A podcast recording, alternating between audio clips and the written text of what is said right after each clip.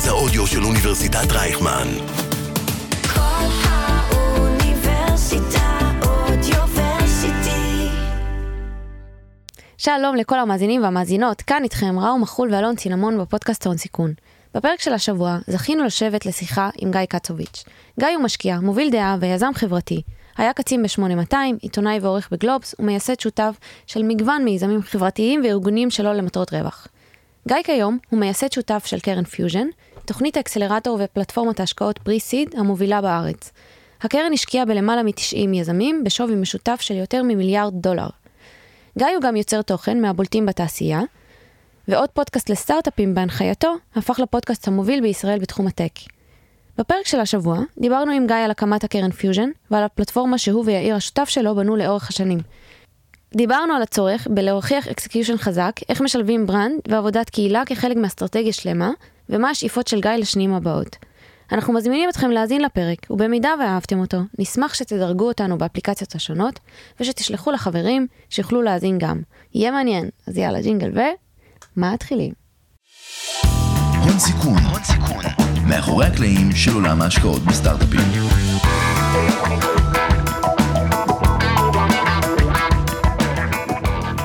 שלום גיא, שלום, מה נשמע? בסדר איך אתה? בסדר גמור. תודה שבאת אלינו. תודה רבה שהזמנתם. אוקיי, ספר לנו עליך. מי אתה? עליי. אז אני גיא קצוביץ', אני בן 36, במקור מראשון לציון, עיר האורות. מעל לעשר שנים כבר גר בתל אביב. ביום יום שלי אני מחזיק, אני חושב, שני כובעים. אחד זה שותף מייסד או שותף מנהל, אם תרצו, בתוכנית האצה וקרן השקעות פרסיד, שנקראת פיוז'ן. ואני יוצר תוכן. אני בעצם אה, גם אה, בונה, עורך, כותב אה, וגם מנחה שני פודקאסטים. אחד בעולם היזמות, שנקרא עוד פודקאסט לסטארט-אפים, אנחנו יכולים לדבר עליו, עוסק ביזמות והשקעות הייטק. והשני האופטימייזר, שהושק בתחילת השנה, שעוסק בצמיחה אישית. זה בגדול קצת עליי, הרקע שלי, מה שנקרא, כשחוזרים אחורה, ולא צריך לעבור על כל המסלול, אלא אם תתעקשו, זה עולם המדיה והעיתונות. הייתי בתחילת הקריירה עיתונאי בגלובס, והקמתי עמותה בתחום החינוך שנקראת וויז. לאורך השנים היה לי הזכות להקים או לקחת חלק בצוות ההקמה של פלטפורמות בעולמות היזמות, שעוסקות בקידום אוכלוסיות, בוא נקרא לזה בהיעדר שם אחר, שסובלות מתת ייצוג בהייטק הישראלי. אז תוכנית Hybrid לקידום יזמים ערבים, דרוזים ובדואים, אה, תוכנית שנקראת, נקראה דאז התוכנית החברתית, היום נקראת 8200 אימפקט, שהיא תוכנית לקידום מיזמים בעולמות ה-social tech, אה, ועוד פרויקטים נוספים בעולמות של חינוך, בעולמות של קידום מנהיגות נשית, אה, חלקם, אם לא רובם הגדול, תחת המעטפת של ארגון בוגרי 8200, שאני בוגר היחידה, וזה מוביל אותי בעצם לתחילת תחילת הדרך, אה, שירות של שש שנים ביחידה. אז ככה, לסכם, היום אני בעצם משקיע ויוצר תוכן, בתחילת הדרך איש מודיעין ב-8200, לאורך הדרך איש מדיה, תוכן, יזם חברתי, אה, ומקים פלטפורמות אה, באזורים האלה. אה, ובתפקידי האחרון, לפני שהקמתי את פיוז'ן יחד עם שותף, ניהלתי אקסלרטור אחר, מוכר, שנקרא תוכנית היזמות של 8200 או האקסלרטור של 8200, גם הוא פועל תחת ארגון הבוגרים הרשמי. אז זה קצת עליי. מעניין, יש, יש לך באמת רקע מאוד אה, עשיר, ואני חושב שגם אתה דמות אה, באמת די מוכרת בתעשייה, אז קודם כל כיף גם אה, ככה שאתה מחליף את הצדדים, ובדרך כלל אתה בת- נמצא במקום שלנו, אז הפעם אנחנו יכולים ככה ליהנות אה, ולראיין אותך, וגם נראה לי disclaimer קטן, גם אתה ואני מכירים אה, כבר תקופה, אז ככה שמה שנקרא גילוי נאות. אה, אז נראה לי באמת אה, ככה שנתחיל לצלול, אולי נדבר באמת אה, טיפונת גם על פיוז'ן, אבל אולי רגע לפני זה, זה גם איך הגעת בכלל לפיוז'ן? עכשיו לא דווקא בהיבט של הקורות חיים שלך, כי זה מה שנקרא סקרנו יפה, דווקא מה גרם לך לרצות לפתוח את פיוז'ן? איך הגעת בכלל לרצון שלך להתעסק בהשקעות ובנקרא לזה אקסלרציה של סטארט-אפים, כי זה לא בדיוק האזור שממנו התחלת את הקריירה שלך, אם אני לא. צודק. אתה צודק, זה לא המסלול שממנו התחלתי, אבל כשמחברים את הנקודות, אני חושב, לאורך מסלול הקריירה, יש המון תפקידים שעשיתי, שבכל אחד מהם לקחתי משהו שקצת תרם לי, וכנראה גם להוויה ולהבנה שלי שזה מה שאני רוצה לעשות. אני חושב אבל שללא ספק כשמסתכלים על המסלול ליניארית, אז לצורך העניין התפקיד האחרון ניהול האקסלרטור של 8200 שם אם הייתם שואלים את גיא דאז 2014 עד 2016 הבנתי שאני נהנה מאוד מהעשייה הזו. מה זה העשייה הזו? האקסלרטור של 8200 זה תוכנית שנותנת מעטפת תמיכה אז כל ה buzzwords אני אוהב להגיד שכל אקסלרטור אומר שהוא נותן, משרדים, mentorship, חיבורים ומה שנקרא על כל מילה כזו אפשר לשים מירכאות כפולות ולנסות לבאר מה היא אומרת כתלות בתוכנית וכתלות בפרסונות שמובילות אותה, אבל אני חושב שבאמת מאוד נהניתי מה-day to day, לא היה פה איזשהו מיקוד שליטה חיצוני שבו זה היה נראה לי מגניב, או חשבתי שזה מכובד מאוד או מכניס מאוד אם הייתי יודע כמה זה לא מכניס כנראה לא הייתי עושה את זה בהתחלה וכמו כל היזמים שאומרים אם הייתי יודע כמה זה קשה לא הייתי מתחיל להקים את זה אבל באמת מאוד נהניתי מהיום יום. היום יום של ניהול תוכנית האצה ואני מניח שניגע ונדבר בזה קצת יותר בהקשרים של פיוז'ן הוא בעצם יום יום מאוד ארצי הוא מאוד מאוד אה, אופרטיבי אנחנו בעצם. בסוף בתוכנית אתה אמור אחרי כל ה buzzword לתת ליזמים כלים וידע בתחילת הדרך כדי להקים את החברה שלהם. ויותר מזה אתה רוצה לקוות שאתה גם עוזר להם בלהביא traction שזה שם יפה ללקוחות או משתמשים תלוי בחברה b2b b2c בסדר וכמובן לעזור להם לגייס את הסיבוב הבא כי בסוף אנחנו בעלי מניות בחברה בפיוז'ן לפחות אם החברה לא מגייסת את הסיבוב הבא וממשיכה במסלול המימון שלה למעלה קדימה ולמעלה אז כנראה שלא עשינו את עבודתנו נאמנה.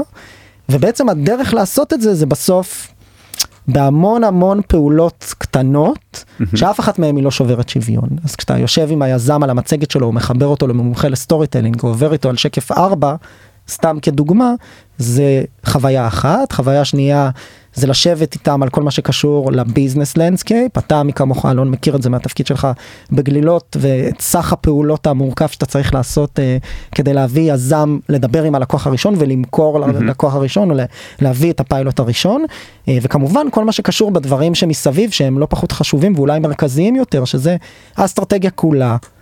איך ה landscape נראה, איך אתה בונה את הסיבוב שלך, איך אתה בונה את החברה, להיות גם איזשהו sounding board במובן הנפשי והרגשי, שהם ירגישו בנוח להתייעץ איתנו כשיש בעיות בינם לבין עצמם, בינם לבין בעלי מניות אחרים, בינם לבין העובדים, זה מאוד בודד להיות יזם ויזמת, זה מאוד בודד להקים משהו, וזה מאוד מאתגר, זה נתפס כמשהו מאוד סקסי, כסיפור הגבורה הישראלי, זה בסוף קשה וזה נושא שאני שמח שעולה יותר ויותר, אה, מה שנקרא, בקרב אנשים כמונו mm-hmm. זה, זה, זה מה שנקרא הופך להיות יותר ויותר שיחה מקובלת לעשות. הקשיים אבל... בעצם. הק... אה, כן אנחנו קוראים לזה אתגרים שזה גם מילה כזו יפה שכולנו למדנו להגיד אה, אין לי קשיים לא חרא לי אני חווה אתגרים אני חושב שבהקשר הזה יש חשיבות לבחירת המילים אבל כן בסוף צריך להגיד שלפעמים זה fucking קשה ו fucking לא נעים.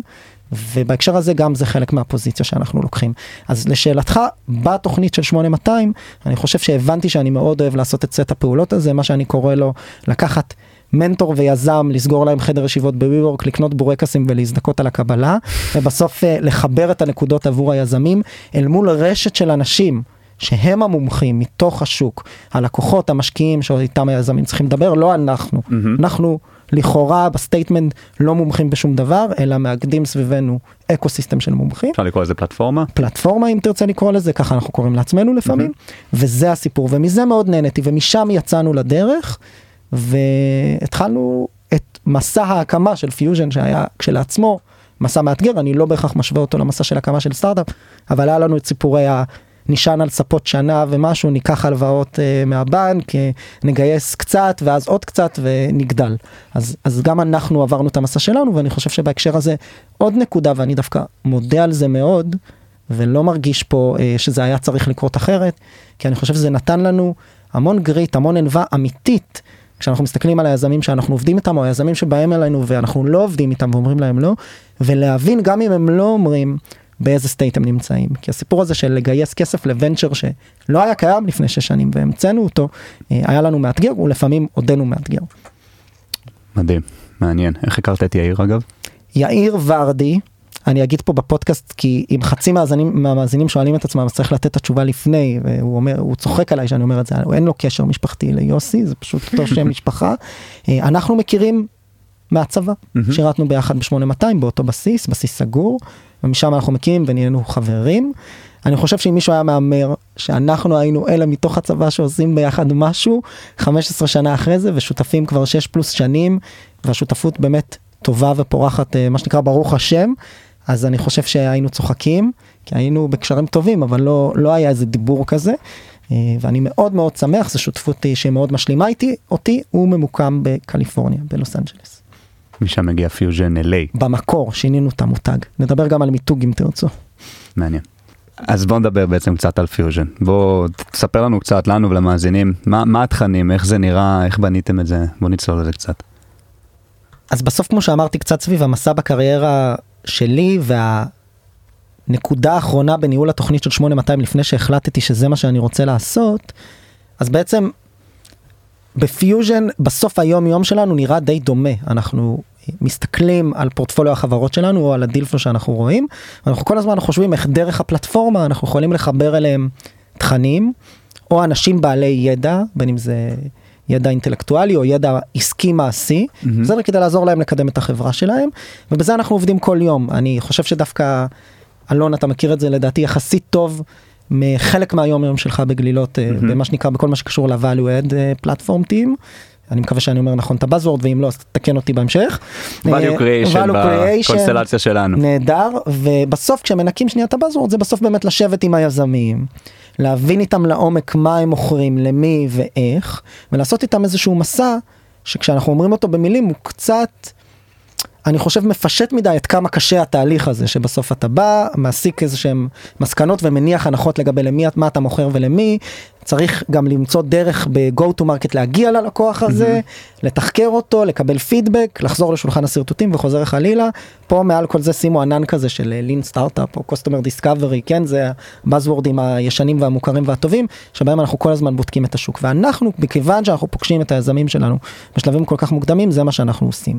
אחרי כל ההוואי הזה בואו נתאר את זה שנייה יבש בדיוק. אנחנו בסוף אקסלרטור שמתקיים פעמיים בשנה מהמם. עם באצ'ים בעצם אנחנו משקיעים בבין 6 ל-15 חברות בבאץ' כל החברות הן Israeli related הדגש על הרייש הישראלית היא בכוונה בסדר יזמים ישראלים באשר הם ואיפה שהם נמצאים ובעצם מצטרפים אלינו לתוכנית שכוללת הרבה הדרכות שעוסקות בנושאים שדיברתי עליהם בהוויה בסדר איך להגיע לשוק איך להביא משתמשים איך לגייס כסף איך לנהל אסטרטגיה אנחנו מייצרים להם איזה קבוצת תמיכה גם עוטפת כזו יחד עם המנכ"לים האחרים מקום שבו הם יכולים להתייעץ ולשתף.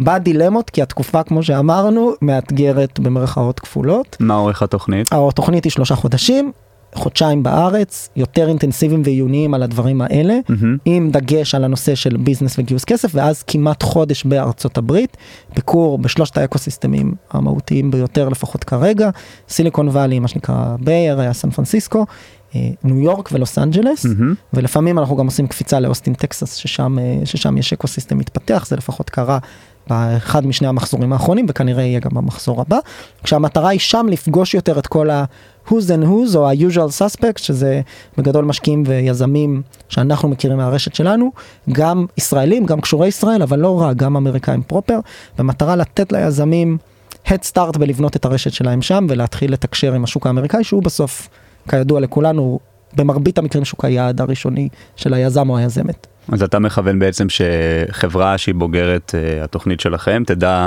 לגייס כסף, תדע למכור כבר מוצר, תדע את שניהם, או שלא תדע אף אחד מהם. כאילו, מה ה-KPI ה... לסיום התוכנית לסיום, יזם עכשיו, חברה סיימה אצלכם את הבאץ'. אז בסוף אחרי סיום הבאץ' וזה טוב מאוד ששאלת אני רק אמשיך את, ה, את ה, מה שנקרא תוכנית האופרטיבית אז מהמם. בסוף אני חושב.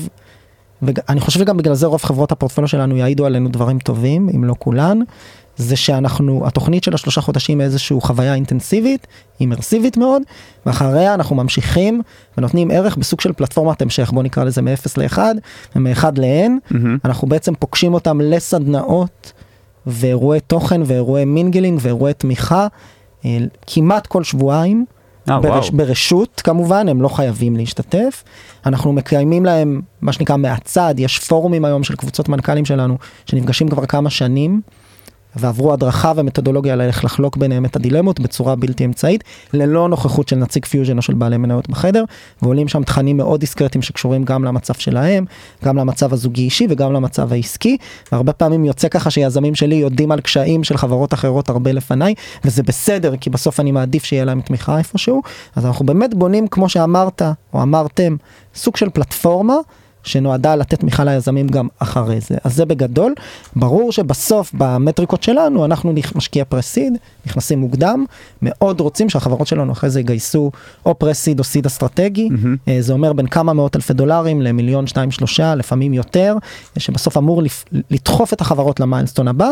זה בדרך כלל, מי כמוכם מכירים, אחרי שראיינתם פה המון משקיעים, משנה, סיבוב כזה, גם אם הוא של מיליון, משנה את ה-governance של החברה, ולעיתים גם משנה את אה, מערך הלחצים והאינטרסים שפועלים עליה, ואז כתלות במשקיע וכתלות ביזם, לפעמים הם ממשיכים לשמור איתנו על קשר, ולפעמים אומרים, טוב, אני עכשיו אה, בבורד שלי כל חודש או כל רבעון, ומולם אני כבר עושה את ה-KPIs ואני אבוא לכם כשאני צריך חיבורים, או אני אבוא לסדנאות, אבל לצורך העניין מרגישים שאולי הם צריכים פחות את הקשר האישי, ויש כאלה שממשיכים ושומרים איתנו על קשר, גם through the seed ו-A ו-B round אפילו, וממשיכים להיעזר בנו גם לחיבורים למשקיעים, גם לחיבורים ללקוחות, גם לוקחים חלק בפורומים וגם בסדנאות. מהמם, אז רק כדי לסגור את החלק של התוכנית, אה, מה התנאים שאתם בעצם לוקחים, תנאים המסחריים נקרא לזה? 150 אלף דולר אנחנו משקיעים בעבור 7.5% מהחברה.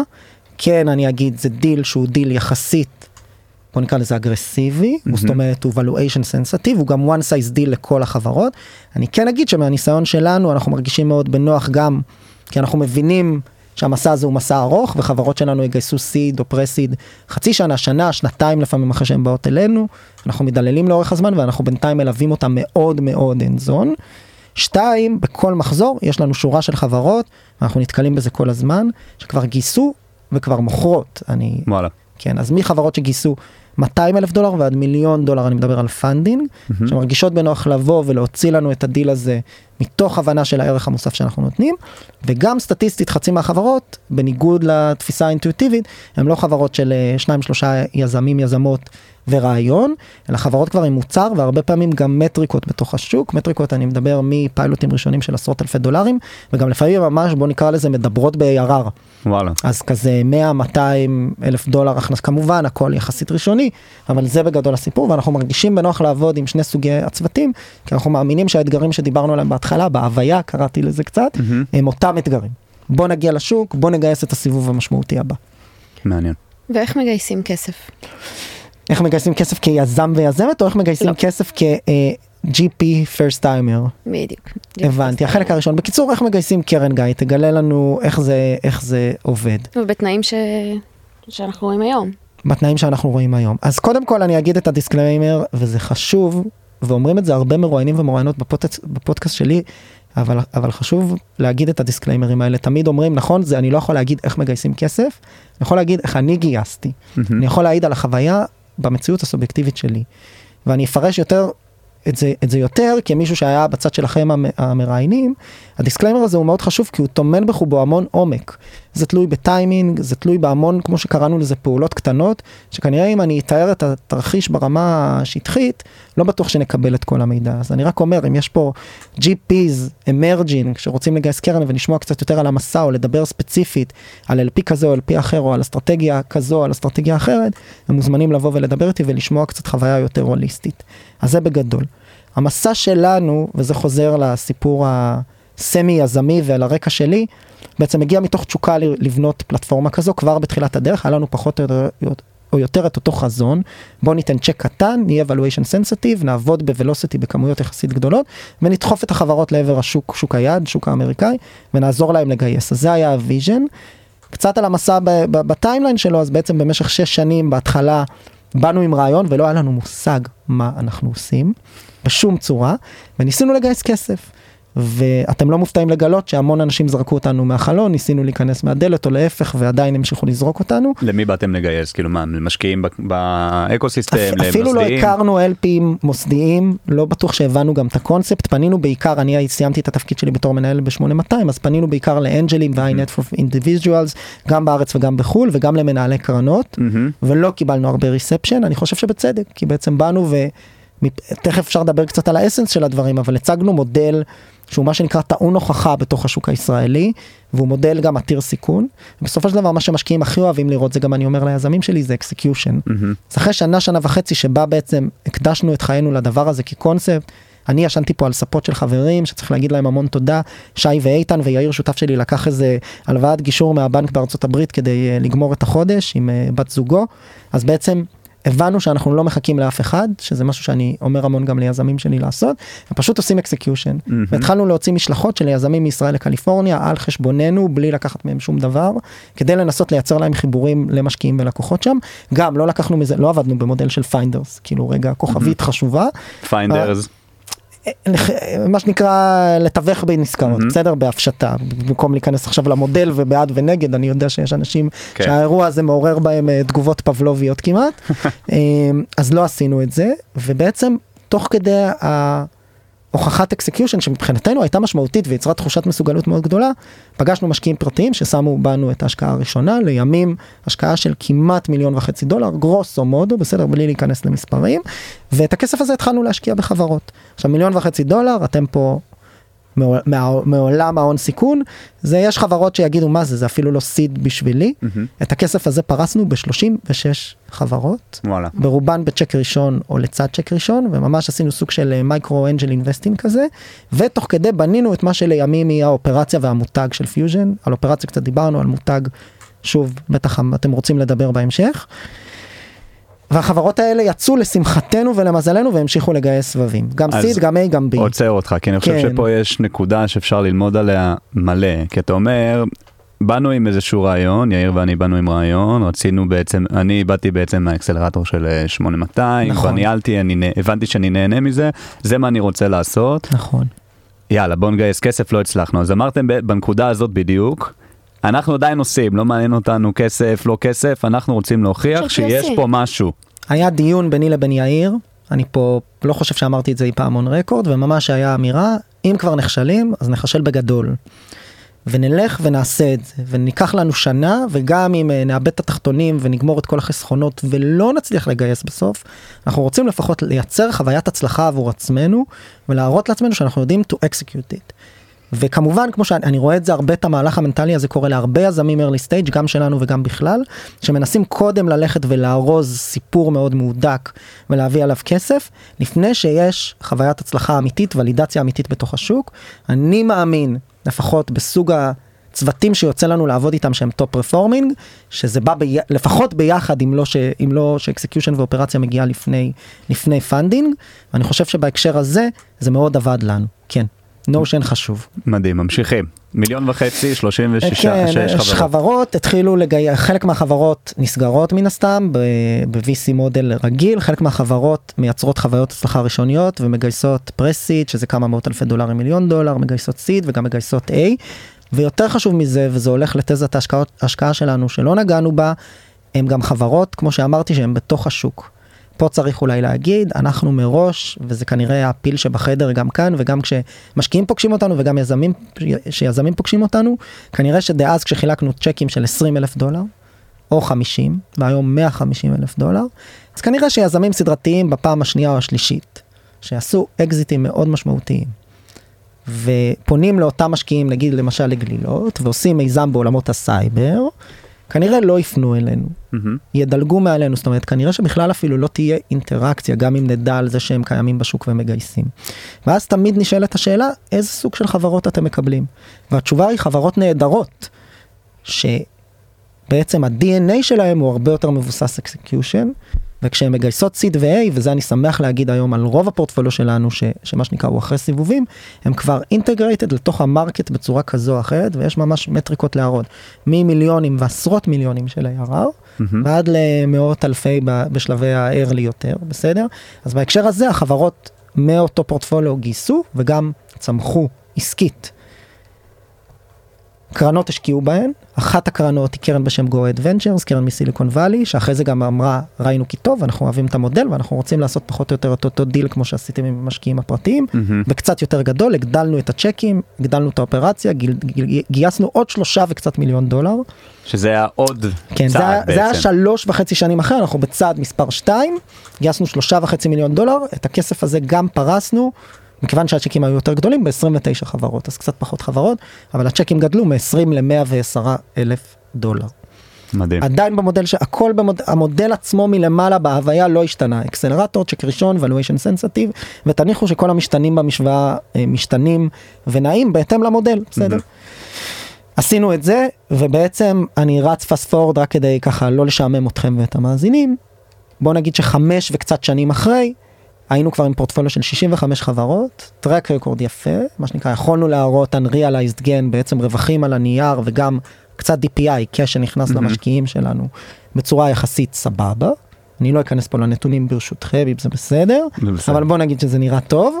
ויותר מזה, בנינו מודל אופרטיבי שהראינו שעובד. אקסלרטור אמיתי ומותג שכולי. זהו, ועם זה אמרנו בוא נלך ונגייס קרן. ומכאן ועד זה, תוך שבוע הבאנו, סתם, לקח לנו כמעט שנה וחצי להביא 20 מיליון דולר, שזה עדיין אה, מה שנקרא במונחים של השוק, קרן אה, קטנה, שלא מהמם. לומר פצפונת. אה, בשביל לעשות את אותו דבר שעשינו, יותר גדול ויותר חזק ויותר מהר. שזה להיות שקר ראשון, Friends and Family ליזמים, ולתת להם פלטפורמה עם המון המון תמיכה. אז זה הסיפור בגדול, אפשר אם תרצו לדבר על הניטי גריטי של הגיוס, אם אתם לא רוצים להיכנס לזה, אפשר להשאיר את זה לפרק אחר. אני רוצה לשאול על היזמים שמגיעים, בגלל שזה שלב כזה מוקדם, הטכנולוגיה כנראה היא עדיין לא מפותחת ברמה מאוד אה, עמוקה, והם צריכים את נכון. הכסף כדי לפתח את זה. נכון. איך אתם עדיין בכל זאת בוחרים? איך אתם יודעים? אני חושב שהתשובה היא כמו של כל משקיע. יזמים טובים ושוק או בעיה גדולה, זה כבר נהיה כמעט קלישאה. רוב מה שאנחנו שמים את יהבנו עליו זה כמובן החומר האנושי, האיכויות האנושיות. יש פה גם אלמנטים כמותיים, אה, כמו מה הם עשו, הרקורד שלהם, דברים שהם יותר מדידים. כמובן דברים שהם יותר איכותניים, שזה מילה יפה לסובייקטיבי, או תחושת בטן, כמו בדייטים וכולי. אין באמת אפשרות לפרמל את זה עבורנו. אני רק אגיד שאנחנו פוגשים המון המון אנשים בשנה, כמה, קרוב לאלף צוותים חדשים, גם בסצנה הנוכחית, נוכח כל הנסיבות, אנחנו לא רואים הרבה האטה, אה, ולפי זה אנחנו בוחרים. אנחנו מפעילים הרבה הרבה תחושות שלנו ומערך מיון פנימי שלנו, והרבה הרבה דיברנו על הפלטפורמה, מכיוון שאנחנו מאוד ג'נרליסטים, משקיעים גם באפליקציות ובסטודיו למשחקים, וגם בחברות הארדוור, שעושות אנרגיה ואגרו ו food, וגם בתוכנה שבין לבין. אז אנחנו צריכים רשת מאוד חזקה של מומחים מתוך השוק שיודעים לבוא ולעזור לנו לעשות את בדיקת הנאותות, את ה due diligence. זה מה שאנחנו עושים. אנחנו לא מתהדרים ביכולת שלנו לבדוק לעומק את השוק והטכנולוגיה, אלא מביאים אנשים מבחוץ שעוזרים לנו. מעניין, אז אני רוצה קצת לדבר על, ה... נקרא לזה, על האסטרטגיה של הקרן. אה, תקן אותי אם אני טועה, אבל גם המספרים שאתה מתאר, זה, אתם יצרתם לעצמכם איזשהו מעין מנגנון שמייצר, אפשר לקרוא לזה, אני אעשה פה במרכאות, מעין תעודת סל מסוימת על האקוסיסטם הישראלי. אה, ותעודת סל, כמו כל תעודת סל, אולי עושה קצת מיטיגציה על הריסק, כאילו ואז בעצם אתה מפזר הרבה מאוד נכון. בטים. ומצד שני, איך, איך, איך מייצרים reward? כי בסוף אתם בשלבים מאוד מאוד מאוד מוקדמים, להבנתי אתם לא לוקחים איזשהו בורציט, אם אני מבין נכון. לא לוקחים בורצית. אמ, אז מה, מה האסטרטגיית אה, נזילות של הקרן? איפה בסוף מצליחים להחזיר אה, DPI, או מה שנקרא cash on cash, אה, למשקיעים, ומצליחים באמת לגדול ברמה הפיננסית, כי בסוף אתם קרן אה, שאומנם חרתה על דגלה עזרה ליזמים ו- ואקסלרטור וכאלה, אבל בסוף אתם גוף פיננסי שאמור לקחת כסף ממשקיעים, להעלות אותו ולהחזיר יותר כסף אחורה למשקיעים. אני שמח מאוד שאתה אומר את זה, אני חושב שדווקא בהקשר הזה אנחנו מרגישים מאוד בנוח, כי כל פעם כשאנחנו בונים את המודל, אנחנו בונים אותו בהתאם למה שאנחנו מאמינים בו, ואנחנו משתדלים מאוד, אני אומר את זה פה בזהירות ובעדינות, לא להסתכל על מה קורה בשוק, מהמם. ולהיסחף אחרי טרנדים או אחרי מגמות. ובהקשר הזה כשמסתכלים על השוק הישראלי, על המספרים של הקרנות וה assets under management שלהם ועל אירועי ההנזלה המקומיים והממוצע הממוצע שלהם בדרך כלל מה שנקרא בימים כתיקונם בין 20 ל-50 מיליון דולר ו- ולמטה מכך ויש אירועים כמובן גדולים מאלה אבל הם לא הרוב אז אנחנו בעצם אומרים יש פה איזשהו אירוע איזושהי אנומליה סטטיסטית ואפרופו דיברת על המודל של קרן זה מאוד נכון צריך גם להגיד רוב הקרנות לא מחזירות DPI משמעותי ל-LPs שלהם. בגלל שבשלב מסוים המשחק הזה נהיה משחק של management יותר משל carry, כי לכולם יש אינטרס להגדיל את ה-assets under management וזה בסדר, זה סוד אה, ידוע, בסדר, אה, ומה שנקרא אה, לעשות יפה גם לפני שהקרן מחזירה מכפילים. זה לא אומר שלא קמו כאן ואין בסיליקון וואלי או בכל מקום אחר, קרנות שמנהלות הרבה כסף ועושות ביצועים נהדרים.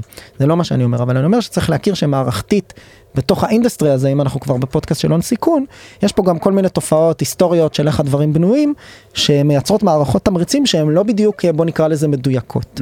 וכשאנחנו מסתכלים על השוק הישראלי, אנחנו אומרים, נראה לנו נכון דווקא לשמור על קרן. יכול להיות מאוד שהקרנות הבאות יהיו טיפה יותר גדולות, אבל לשמור על גודל קרן סביר, שמתייחס לאיך נראה אירוע ההנזלה הממוצע בשוק. בסדר? ועובד אפרופו המודל ב velocity, אז אנחנו באמת שמים צ'ק ראשון עם stake equity משמעותי במספר רב של חברות, בונים על זה שחלקן, אנחנו מקווים, יותר מאחת, בסדר? יגיעו וימשיכו לגייס סבבי seed ו-A וכדומה וילכו all the way לאירוע הנזלה. ושם אנחנו רוצים לשים follow-ups מן הסתם כמו רוב הקרנות, mm-hmm. אנחנו שומרים לעצמנו רזרבות ומשקיעים גם ב pre-seed, כי בדרך כלל אנחנו נכנסים אפילו לפני ה pre-seed, mm-hmm. לפני הכמה מאות אלפי דולרים ב SAFE וגם ב seed. ב-A אנחנו כבר לא נכנסים, אבל בהנחה שהחברה עושה טוב ואין כל מיני down round ים תוך כדי שפוגעים גם ככה בכל, אה, בכל ה waterfall, mm-hmm. ובהנחה והשוק הוא שוק נורמלי, לאו דווקא שוק אה, עולה בטירוף או יורד בטירוף, אנחנו לפחות לפי המודלים והאקסל אוכל הכל, זה אמור להיראות בסדר. מעניין, ממש מעניין, כי כאילו זה, זה מודל שלדעתי, אני לא, לא זוכר אף קרן בישראל שמשקיעה בכזה scale אה, גדול ורחב, אה, וזה דבר שהוא יחסית ייחודי, אם אני מבין נכון, גם לאקוסיסטם המקומי. אני חושב שבשלב שבו אנחנו משקיעים כן היו פה כמה שנים אה, לא מזמן שהיו פה כל מיני קרנות עם אה, שמות של חיות ו Insight Partners למיניהם שהם גם אה, מעורבים אצלנו בקרן גילוי נאות אה, שבאמת השקיעו פה ב velocity גדול בעיקר בשלבי אה, בשלבים מוקדמים אבל יותר מאוחרים משלנו seed A B וכדומה ודווקא השקיעו פה עשרות השקעות. אני חושב שיש גם פלטפורמות שמתהדרות במספרים יותר גבוהים אם אני לא טועה OurCrowd וכדומה אני מקווה שאני בקיא במספרים אבל בשלבי גם ה pre שם זה מודל קצת אחר. נכון, אבל פה בשלבי ה pre-pre-seed כקרן, מה שנקרא אמיתית, institutional, שמאוגדת עם LPs, שבסוף באה ואומרת, וזה ה vision, אנחנו נבנה פה מוביל קטגוריה כפלטפורמה, כמו ש-YC בנו את הדבר הזה ב-2006 עד 2008, בסדר, דאז, לקח להם זמן אה, להתמצב. אה, אנחנו נעשה את זה כאן, ויש מקום ויש וויד ליזמים שהם לא ה-second timer בתחומים מאוד מאוד מסוימים שמה שנקרא קל להם לגייס. אנחנו נתפוס את כל הצוותים שלא מצליחים לגייס ציד על מצגת, וכמו שאומרים כמה ממורינו ורבנו שהם GPs בקרנות אחרות אצלנו, זה המציאות, זאת אומרת אנשים לא מבינים שבהרבה מקרים זה לא המצב, הם יבואו אלינו, אנחנו ניתן להם צ'ק, נדחוף אותם, נעזור להם לגייס עוד כסף, נביא להם לקוחות ונדחוף אותם לסיבוב הבא. בשביל זה צריך אופרציה טובה שעובדת. ויש לי שאלה על זה, מתי אתם תגידו ליזמים שמוקדם מדי להגיע אליכם? אז אני חושב שמוקדם מדי זה בסוף וזו האמת ואני אומר את זה ופה אני קצת שורף את עצמי ועושה לעצמי שירות רע אבל אה, מוקדם מדי זה תירוץ. אני חושב שזה תירוץ כשמשהו לא יושב ואתה באמת מתק... המשמעות של זה היא לא שאתה לא שאתה לא צריך לחכות קצת זמן כדי לגשת שוב אתה כן אבל זה בדרך כלל כשמשהו לא עובר אם אני יש לי ספק לגבי השוק או לגבי הבעיה או לגבי האסטרטגיה של הביזנס או לגבי הצוות שזה בדרך כלל עיקר המשקל שישפיע על האירוע. טוב להגיד מוקדם מדי, ואני אומר את זה פה בצורה אופרטוניסטית, אבל זה סוד ידוע של משקיעים, כי בסוף הרי ברור שאם אותו צוות שהיה לי ספק לגביו, לגבי הכימיה האישית אפילו, יבוא עם סיגנלים הרבה יותר חזקים, למשל פתאום עשרות או מאות אלפי דולרים של מכירות אחרי שהם באו אליי עם רעיון, כנראה שלמרות שטענתי שזה היה too early אז, ולמרות שיש לי את אותם ספקות סביב המשתנה של הצוות, אני אשקול את האירוע מחדש. אבל אני כן חושב שבסוף אנחנו, וזה כן חשוב להגיד, אנחנו משתדלים לא רק להגיד מוקדם מדי, אלא להגיד למה, ומה מפריע לנו בביזנס ומה מפריע לנו בשוק. לא יוצא לי להגיד ואני משתדל מאוד לא לתת uh, ביקורת אישית. אני כן אגיד פה ליזמים וזה משהו שאני אומר הרבה ליזמות ויזמים שמאזינים לפודקאסט כל המשקיעים כששואלים אותם מה הם מחפשים הם אומרים צוות ושוק. וכששואלים אותם בחדר סגור על מה אתם שמים יותר משקל רובם יגידו מעל ל-50% על הצוות לפעמים גם 80% על הצוות. אז צאו מנקודת הנחה וזה קצת לא נעים להגיד שאם אומרים לכם לא כנראה שלא התרשמו מספיק מהצוות. אני רוצה פה לחדד עוד יותר זה לא אומר שאתם לא טובים ואתם צריכים. אה, מה שנקרא לשבת ולעשות בדיקה להערכה העצמית האישית שלכם, אלא להבין שזה גם קצת אה, שיטת הפסיכומטרי, אנחנו רואים 500 עד 1,000 צוותים בשנה, אנחנו רוצים לקחת את the best of the best. אז יכול להיות שהייתם מצוינים, אבל היו צוותים אחרים שהם הרשימו יותר, וזה הסיפור, ואני חושב שאף משקיע לא רוצה להגיד, it didn't impress me enough, וזה חלק מהפרשנות. קצת רוצה לקשור את זה לה- להתחלה כשדיברת על ה... שעניין אותך אוכלוסיות בתת ייצוג. בדרך כלל אנשים מתחברים, זה, זה טבעי לנו להתחבר לאנשים שדומים לנו.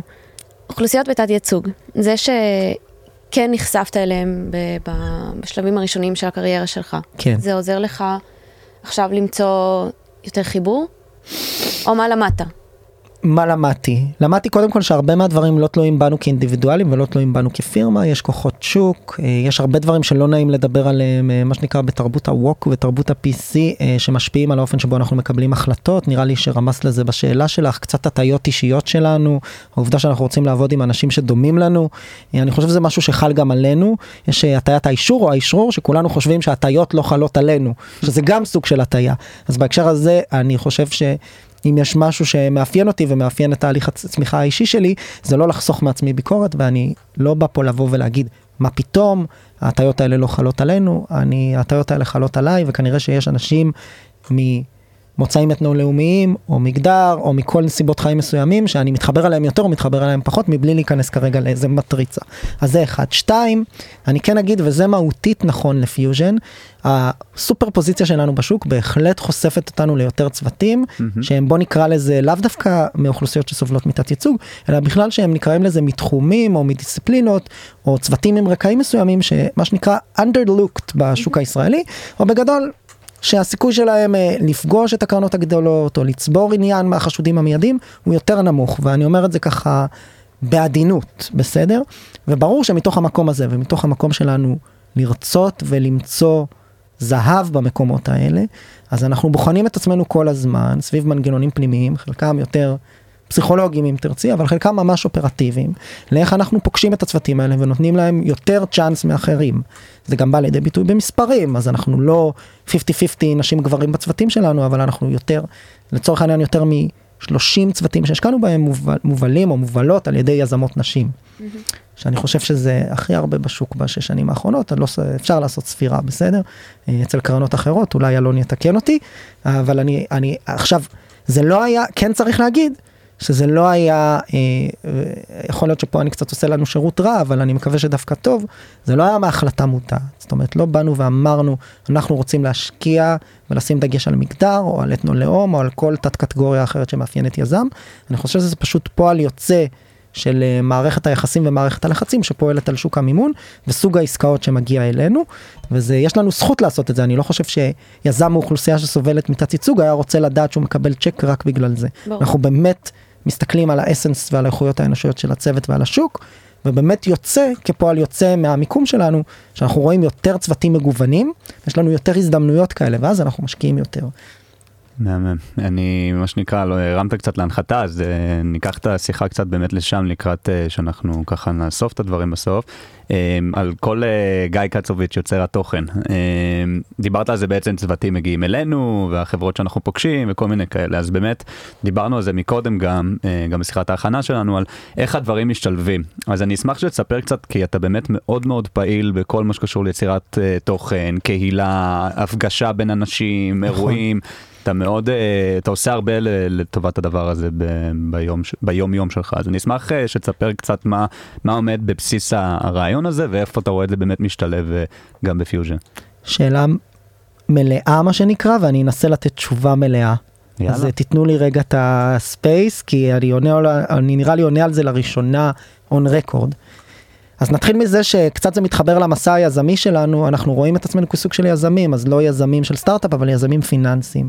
וכשאנחנו הגענו לשוק היה לנו מאוד ברור, היה ליאיר ולי היה לי מאוד ברור, שאנחנו אנדרדוג, ושאנחנו בונים פה ויקל קטן עם סטארט-אפים, ודיברנו על זה שהם לאו דווקא מהקרם דה לה קרם בפרספשן הישראלי, בסדר? ואנחנו צריכים בכל זאת, א', לתת להם value, אז צריך מוצר טוב, כמו יזמים, תוכנית טובה, אופרציה טובה, דיברנו על זה, וגם צריך להגיע לדיל פלו טוב, צריך access לעסקאות מעניינות.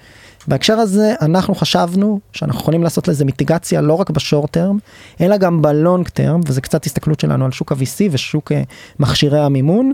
אמרנו רובם לא מספיק out there, לא רק ברמת ה brand, אלא גם ברמת ה accessibility וברמת ה content וברמת ה multi omni-channel בוא נקרא לזה אם מסתכלים על זה, הם לא מסתכלות על עצמם כארגון שהוא business, אלא כארגון שבסוף באמת כמו שאמרת, יש לך LPs, יש לך GPs, תשקיע, תיתן החזר, בסדר?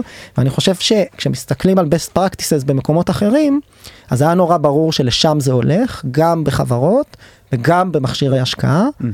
ומבחינתנו אמרנו every company או every VC זה media company ואנחנו רוצים להיות שם ולהיות ב forefront ולכן כבר מההתחלה עבדנו בכמה אפיקים כדי לייצר תוכן ו value לא רק לפורטפוליו שלנו שעד עכשיו דיברנו עליו, אלא בעצם לכל האקוסיסטם כמו שאתה אומר, אז זה הרעיון המסדר.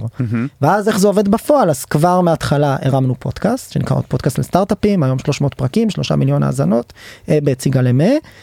שתיים, הרמנו קהילת מיטאפ שבהתחלה היה בה בן אדם אחד היום כבר חצינו את הששת אלפים ממברס שמנויים על האירועים שלנו מקבלים התראות כל פעם שיש אירוע עכשיו באנו משרונה שעשינו שם אירוע שבלי לעשות כלום אני פשוט מרים לינק לאוויר והגיעו 140 איש מדהים. CTOs לפגוש.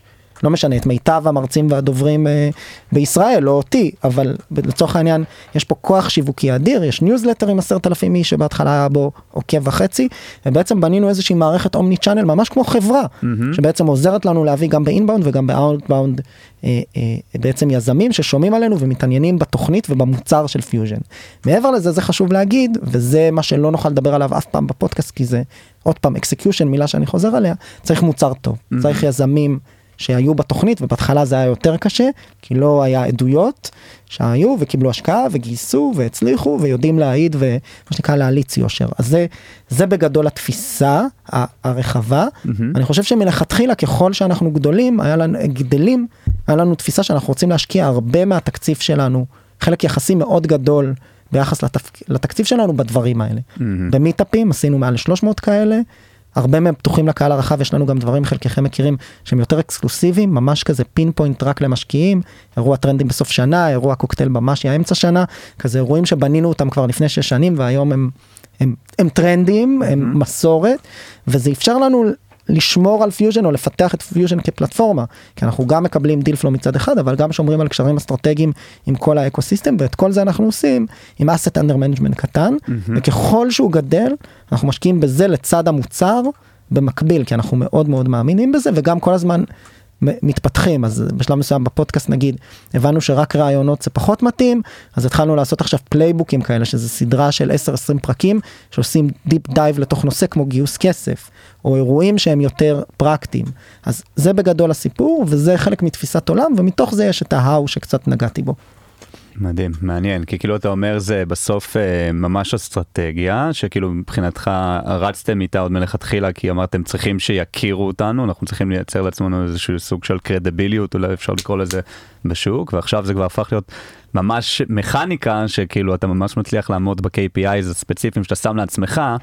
בגלל שאתה מצליח לקשור את ההמשך דרך של הפורטפוליו יחד עם ה inbound של ה deal flow עצמו והכל בעצם תחת אותה מטריה של יצירת תוכן ויצירת uh, מיטאפים ואירועים והפגשת האקוסיסטם כולו. לגמרי אני יכול להגיד על זה עוד נקודה או שתיים? חופשי בטח. אז אני רוצה להגיד אחד וזה אולי חשוב להגיד מעל הכל זה גם כיף לנו אנחנו מאוד נהנים מזה ואנחנו גם מרגישים שאנחנו עושים טוב כשאנחנו עושים אירוע ומגיעים אליו פה בקמפוס 300 איש על construction tech ואומרים אף אחד לא עושה אירועים על זה וכולי וגם אני מוצא שם חברה אחת או שתיים להשקעה זה בכלל נהדר.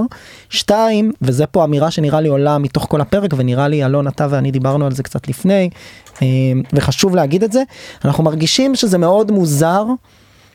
שכל האקוסיסטם משתנה העולם הגלובלי טרנדים טכנולוגיים איך לא אמרנו ChatGPT ו gen AI אפילו פעם אחת הצלחנו להחזיק בפרק. פרק שלם בלי שזה עולה. נכון, בסייבר. נכון, האופן. מהפכת הענן, האופן שבו קוונטום, האופן שבו עולם הסטארט-אפים ועולם הטכנולוגיה משתנה, ומצד שני עולם ה-VC לא.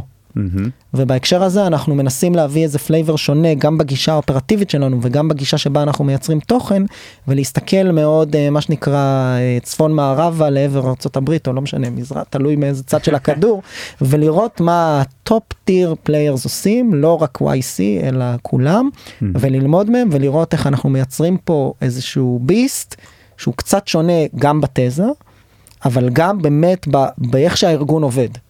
וזה מבחינתנו מה שנקרא משהו חשוב והוא גם מדבר אלינו מן הסתם ליאיר ואליי אישית. מדהים, מדהים וממש מעורר השראה. לגמרי. ראורה, משהו לסיום אה, מהצד שלך? אה, אמרתם שאתם גם עושים פולו-אפ עם יזמים. מה הקשיים שאתם חווים, שהיזמים חווים אז? אחרי, בסבב אח- גיוס בסבב הבא. הגיוס הבא. תראו אני חושב שאנשים אה, לא מבינים את זה אבל זה כאילו לנו כמשקיעים זה מובן מאליו לגייס סיד זה אירוע שהוא מצד אחד מאוד משמח והוא נתפס כאיזושהי תבנית הצלחה לכל יזם שנמצא עכשיו בשוק. אני לא מקנא ביזמים שמגייסים כמה מיליונים מקרן בשלב של רעיון או של קונספט. שעון החול מתהפך, יש לך פתאום board ו governance, אתה צריך לעשות hiring ב capacity מסוים עם burn rate ו runway, ואתה צריך להתחיל לדווח על ההתקדמות שלך, וכל חודש שעובר ואתה לא מגיע ליעדים שלך, אתה נמצא באיזשהו לחץ רגשי ומנטלי, שלדעתי קשה מאוד להבין אותו עד שאתה לא בפנים. אז אני חושב שזה ה notion המרכזי. מתוכו, או לצידו, כמובן שיש את הקשיים הברורים של להבין מה אני בונה, להגיע לשוק כמה שיותר מהר וכדומה. אני לא חושב שאני אחדש כאן, אבל אני חושב שהסיפור הזה, המנטלי, של מה המשמעות של לקחת כסף ממישהו אחר, כמה מיליונים, ולדלבר באמת, בסדר? לא רק במה שנקרא סיפורים ונפנופי ידיים, את ההבטחות שהבטחנו. עם כל המשתמע מכך, לעשות איירינג לעובדים, לבנות מערכות ואינפרסטרקצ'ר, לדאוג ל-HR, להתחיל לעשות discovery ללקוחות, להביא אותם, לשמר אותם, לייצר מערך סקסס. זאת אומרת, יש פה מערך שלם אופרטיבי שכנראה רוב משקיעי ה seed וקרנות הצמיחה המוקדמות ידעו אפילו לתאר אותו יותר טוב ממני, למרות שאני חושב שאנחנו יחסית מעורבים, שהוא בעצם באמת באמת מורכב, וזה המון המון חלקים נעים, ורוב היזמים לא היו מנכ"לים של סטארט-אפ לפני.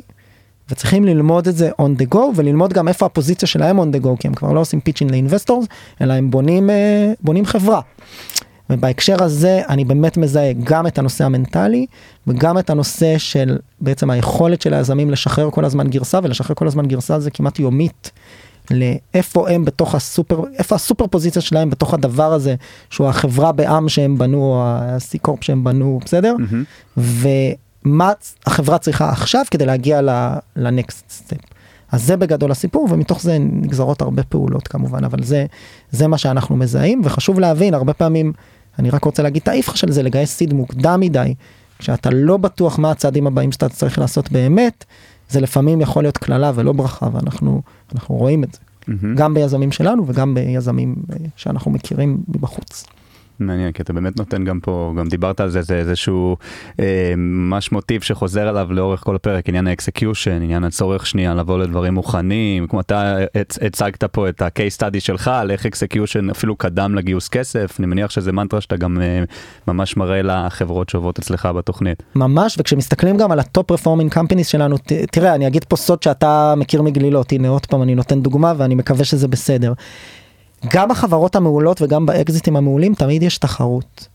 ותמיד שואלים גם בשלב ה-A וה-B וה-C מה הבידול ואיך אתה מתמודד עם המתחרה הזה ואיך אתה עושה upsell ואיך אתה עושה net revenue retention נכון ומי יקנה אותך בשווי ויש כל מיני שאלות שעולות ותמיד אתה מקבל לא ותמיד יהיו משקיעים ב state שלך שיגידו לך לא מאותן סיבות שהמשקיעים בשלב ה pre-seed וה seed אמרו.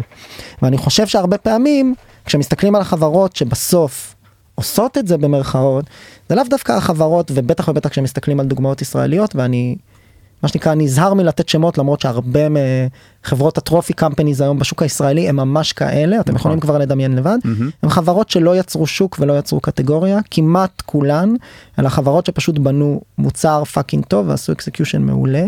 ו execution מעולה הוא מורכב כי הוא לא קשור רק במוצר ובטכנולוגיה הוא קשור באמת בכל המעטפת הזו של מה זה אומר להיות מנהיגים מנהלים לגייס mm-hmm. עובדים כל מה שדיברנו עליו קודם אז בהקשר הזה כן אני מאוד מאמין בזה ואני מאמין שבהרבה מקומות לא בהכל execution טוב יכול לעשות mitigation אפילו להיעדר חדשנות בסדר כל עוד שהפער הוא לא כזה גדול mm-hmm. בסדר ברור שאם המוצר שלך הוא מאוד מאוד נחות ויש מוצר אחר שמשתמש בטכנולוגיה ונותן ביצועים של פי 30, כנראה שזה לא יהיה המצב, אבל כנראה שבאזורים שבהם יש מתחרים שעושים דברים דומים, זה ייפול ויקום על execution ואגב אנחנו רואים את זה למשל בחברות אני מרגיש מאוד בנוח לדבר כמו וויז למשל שכולם מתגאים אז מדברים על זה שמעבר לזה שהם בנו מוצר טוב ויש להם טכנולוגיה טובה הם פשוט יודעים להוציא לפועל mm-hmm. אז כמה הדבר הזה חשוב. מעניין. אני רוצה ככה, זה יעשה קצת סלט uh, למאזינים, אבל uh, לא נורא. סלט זה טוב. Uh, קצת uh, שאלה כזאת יותר אישית, פחות עכשיו מקצועית ואקסקיושן וכאלה, חוויה יותר אישית שלך, כי בסוף אתה, אני חושב שהיום אתה בין באמת הדמויות המוכרות בתעשייה, וגם אתה עובד הרבה בשביל uh, להחזיק בטייטל הזה עכשיו. השאלה שלי, כאילו, אם הרגשת לפעמים שזה מביא לך ביקורת, uh, מישהו אולי מעקם קצת עין, כי זה בסוף יש לנו תעשייה, תעשיית ההון סיכון אני מדבר, היא תעשייה שהיא חצי שמרנית, כלומר, הרבה חבר'ה שהם קולגות שלך או מקבילים שלך בקרנות אחרות, אנשים שיכולים להיות מבוגרים ממך ב-15-20 שנה גם בכיף, הם לא מכירים את ה... מה זה להיות חיית אקו סיסטם לצורך העניין. Mm-hmm. וסתם לדעת, אה, חווית פעם איזשהו, אתה מרגיש לפעמים שאנשים מסתכלים על זה גם לא תמיד בעין הכי חיובית? אז קודם כל כן ברור, אנחנו גם שומעים דברים וגם לפעמים אומרים לנו דברים, וגם יש יזמים שפגשו אותנו ואמרו ראינו כל כך הרבה אירועים ופודקאסטים ולא הבנו, מבחינתנו אינטואיטיבית זה מקושר להיעדר execution, כי אם אתם עושים הרבה רעש אז זה לא, אז זה אומר שכנראה זה מפצה על זה שאולי אתם לא, אה, הדבר האמיתי, אתם, כשאני מקבל מכם צ'ק, אני לא באמת מקבל ערך. וואלה. רובם פנו אלינו במין שיחת וידוי כזה של אה, טעינו. אה, בעצם הבנו שאנחנו כן מקבלים פה ערך ואני באמת מזמין את כל אה, כל יזם ויזמת שיש לו ספק יש לנו 100 חברות 100 ש... מעל ל-250 פאונדרים ופאונדריות שהם שגרירים שלנו ואתם יכולים לשאול אותם אנחנו גם בכוונה לא אומרים למי לפנות. אני כן רוצה להתייחס לשאלה שלך ישירות בכמה דרכים אחד. יש לנו המון כבוד אה, לתעשיית ה... לתעשייה שבה אנחנו נמצאים בסוף גם בוא נודה על האמת אנחנו צריכים אותה גם אה, ברמה הציונית כמעט אם תרצו לקרוא לזה. וגם ברמה העסקית זאת אומרת אם לא יהיו משקיעים שישקיעו השקעות המשך בחברות שלנו והחברות שלנו לא יגדלו ויצמחו אחרי שאנחנו נשקיע את הצ'ק הראשון כנראה שלא נצליח במשימה שלנו להחזיר כסף ל LPs שלנו כמו ששאלת. אז בהקשר הזה אנחנו ממש לא מזלזלים ואנחנו גם לומדים המון מהתעשייה המקומית ואגב חלקה אפרופו גילוי נאות הם LPs שלנו ברמת ה GP בסדר? ה- ה- השותפים עצמם חלקם יצאו בהודעה לעיתונות חלקם לא וכולי. אז זה. אז זה אחד. שתיים כן אנחנו באים בגישה קצת אה, קונטרוברסלית כזה בוא נקרא לזה בסדר? אה, אני חושב שזה מאוד טוב לנו לאישיות שלנו וגם לסופר פוזיציה שאנחנו ופיוז'ן אה, אה, תופסים. אנחנו מאוד מאוד מאמינים שבמובן מסוים אמרת על הרעש וה ecosystem וה, וה mingling והאירועים אני חושב שבסופו של דבר לא היה לנו כל כך ברירה. מהמם. כשאתה בא, ואני אגיד את זה פה, אפרופו בבוטות הרגילה שלי, אה, לא באנו מכסף, ולמרות שניהלתי את ה accelerator של 8200 ויאיר עבד במשרד החוץ, לא, לא היה לנו record של השקעות. ולא הכירו אותנו ורצו לראות execution ורצו לראות track record ועבדנו מול שחקנים גדולים שהיום מנהלים פה מאות מיליונים ומיליארדים. אתה צריך איזשהו leverage כשאתה מתחיל מעבר לקסם האישי והחיוך שלך בהנחה ויש לך. אז, אז בהקשר הזה רצינו מאוד מאוד שהמותג, מה, מה זה branding? זה קצת מתקשר לשאלה של branding. branding זה שני דברים, זה, זה אחד, מה שאומרים עליך אפרופו כשאתה לא בחדר, זה יכול להיות שלפעמים, זה, ושתיים, זה אמור לצמצם לך acquisition cost, זה בסוף אה, אם אתה עושה good branding. בהקשר הזה מאוד רצינו לצמצם acquisition cost ליזמים שיכירו אותנו, וגם ל-LPs בהמשך. ואני חושב שבמובן מסוים זה הוכיח את עצמו. אני גם חושב על זה מעבר לזה היום כשאנחנו כבר גדולים ובאים ממקום טיפה יותר centered. אני חושב שזה באמת משהו שמייצר אה, אדוות של אפקטים חיוביים מהמם. לתעשייה, וזה באמת תורם ואנחנו מקבלים פידבקים כל יום מהרבה מאוד יזמים ויזמות ששומעים את התוכן ונהנים מזה. ואני חושב שמבחינתי, אתה יודע, בסוף אנחנו גם רוצים פה to do business, אבל גם to do good, ובהקשר הזה אני, אני מקווה שנמשיך לעשות את זה ככה. מדהים. טוב, אז ככה, שאלה אחרונה, אה, נסכם את הפרק. אה, מה אתה חושב על העתיד הקרוב? העתיד הקרוב אה, מדינת ישראל העתיד הקרוב האקוסיסטם למימון נראה לי פיוז'ן קצת יותר. פיוז'ן העתיד הקרוב. קודם כל נתחיל מזה שאני לא יודע. השנים הקודמות לימדו אותי שקשה לי לחזות את השנים הבאות. אני מאוד רוצה ברמה האישית להמשיך לעשות את מה שאני עושה ואני חושב שגם יאיר אז בהקשר הזה אנחנו די מקווים שמתישהו כשיגיע הזמן הנכון נצא לגייס עוד קרן ונראה גם אופרציה גם מותג וגם פיצויים. זה בגדול הסיפור ולהמשיך לעשות את מה שאנחנו עושים טיפה יותר מהר טיפה יותר חזק טיפה יותר טוב. מאוד נהנים מהיום יום שלנו וככל שאנחנו אה, גדלים ומתפתחים אנחנו נהנים יותר אז אם, אם השש שנים האחרונות הם עדות לשש שנים הבאות אז אני אני אופטימי. מדהים. גיא, תודה רבה, נהנינו בטירוף, אני חושב שהיה לנו פרק ממש ממש מעניין. תודה לכם. סיכון, הון סיכון. מאחורי הקלעים של עולם ההשקעות בסטארט-אפים.